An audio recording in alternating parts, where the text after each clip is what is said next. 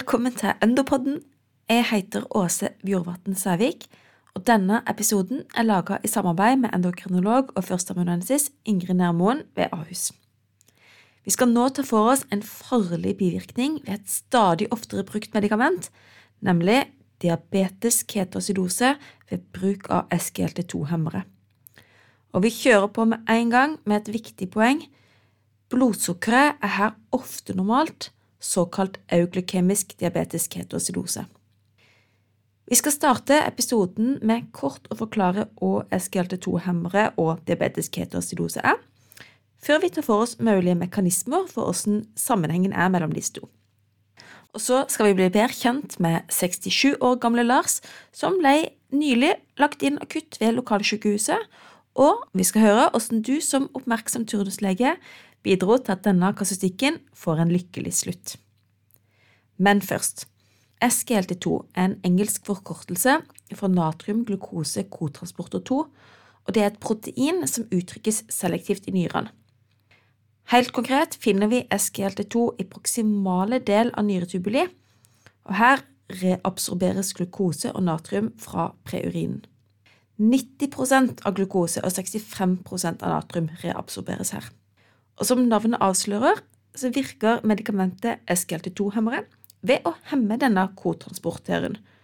Dermed tapes mer glukose og mer natrium med urinen.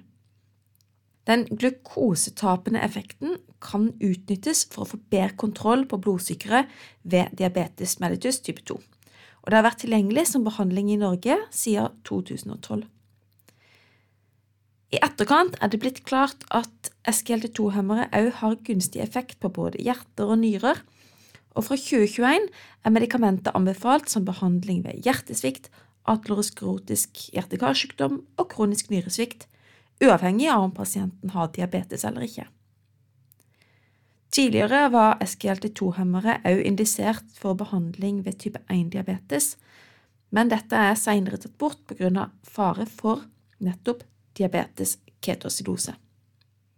Men hva er nå egentlig diabetes ketoacidose, og hvorfor er det så farlig?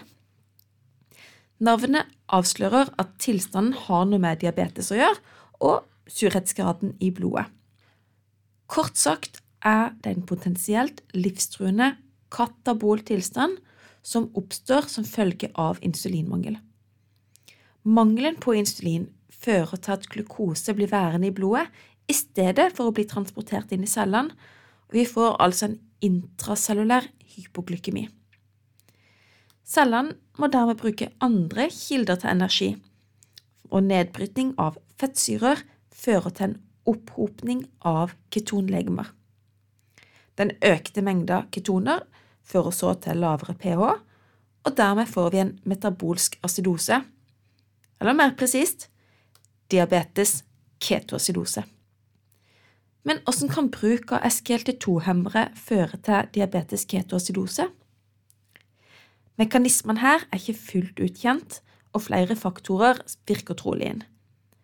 Eksempel vil lavere blodsukker kunne føre til lavere insulinnivå og økt glukakonnivå, og dermed økt produksjon av ketonlegemer.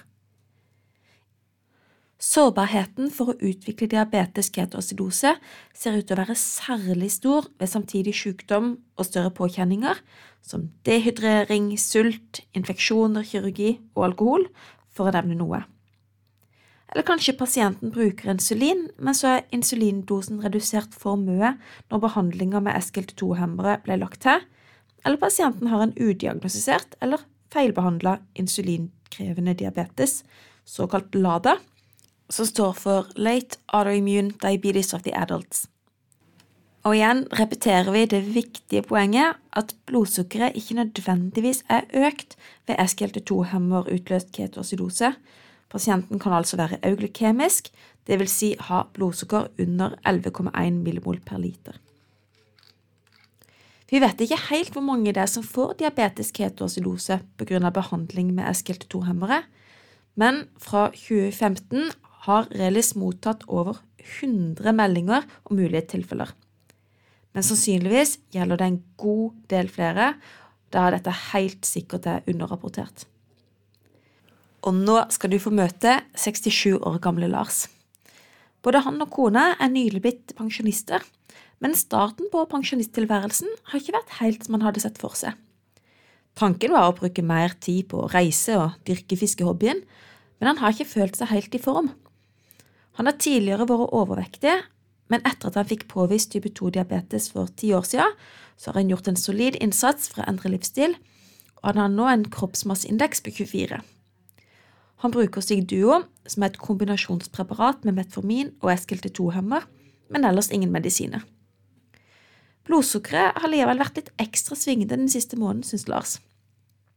Forrige helg hadde han og kona besøk av sønnen med familie, men dessverre gikk det ikke helt som planlagt da yngste barnet fikk omgangssjuka. Nå ser det ut til at Lars òg kan ha blitt smitta, og kona synes at han er såpass medtatt at hun tar han med til legevakta, og her bærer det raskt videre til lokalsykehuset. Der har du nettopp starta som turnuslege, og i kveld er du på vakt i akuttmottaket. Du tar imot Lars, og du ser at han er medtatt og virker noe tung i pusten, men han er klar orientert og gjør sjøl rede for hendelsesforløpet. Vitalia viser en respirasjonsfrekvens på 22, metning på 99% og pulsen er 90 slag per minutt. Blodtrykket er 140 over 80 og temperaturen 37,2. Ellers er det normale funn ved klinisk undersøkelse. Lars forteller at han ikke har fått i seg særlig mat eller drikke i dag, og alt han har forsøkt å ta i seg, har bare kommet opp igjen. Sykepleieren spør om ikke pasienten kan sendes hjem for å unngå omgangssyke på huset. Sykepleieren og med målt kapillær glukose ettersom pasienten hadde kjent diabetes, og denne var 10,5, men det er en normal ikke-fasende glukoseverdi og ikke urovekkende høy. Men du har nettopp hørt denne episoden og husker derfor at SGLT2-hemmere kan gi euglykemisk ketoacidose.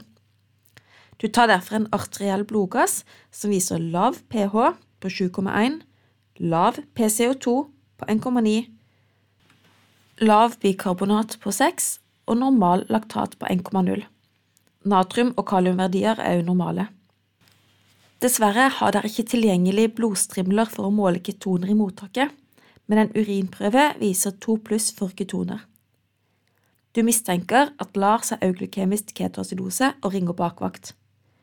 Og selv om kalium er normal, hjelper sykepleier med å ta et EKG for å se etter T-bølger som mulig tegn på kaliumforstyrrelse. Prinsippene for behandling av euglykemisk ketoacidose er de samme som ved diabetisk ketoacidose generelt. De går ut på å korrigere dehydreringa, elektrolyttforstyrrelsene og insulinmangelen.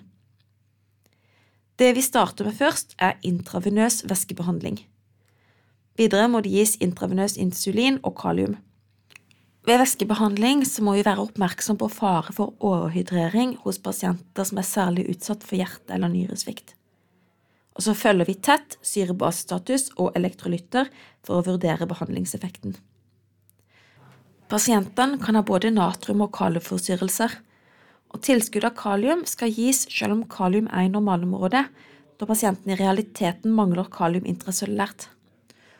Og til alle endonerder der ute, ved diabetisk ketoacidose er det trolig flere mekanismer som bidrar til dette. På den ene sida blir hydrogenion bufra inn i cellene for å redusere pH-en i blodet, men kalium flyttes da ut av cellene for å bevare cellenes membranpotensial. Videre stimulerer insulin til økt opptak av kalium i cellene, og mangel på insulin bidrar derfor til at mer kalium blir værende ekstracellulært. I tillegg medfører glukoserien økt tap av kalium i urinen. Ved vurdering av hyponatremi er det viktig å se på glukosekorrigert natrium og ikke natrium alene, da begge påvirker den effektive osmolaliteten, og det er for rask endring i effektiv osmolalitet, som er skummelt med tanke på risiko for hjerneødem. Og dette gjelder særlig barn med diabetes, og man ser det sjeldent hos voksne pasienter. Til behandlinga hører det òg med insulininfusjon, og dette gir vi for å stoppe acidosen, men òg med tanke på blodsukkerkontroll og elektrolyttforstyrrelser. På grunn av risikoen for raskt fall i glukose skal en ikke gi bolustose med insulin. Når pasienten kan spise og drikke vanlig igjen, og ketoacidosen er korrigert, kan man gå over til subkutan insulin, men av ulik halveringstid er det viktig med én til to timers overlapp for å unngå å sende pasienten inn i ny ketoacidose.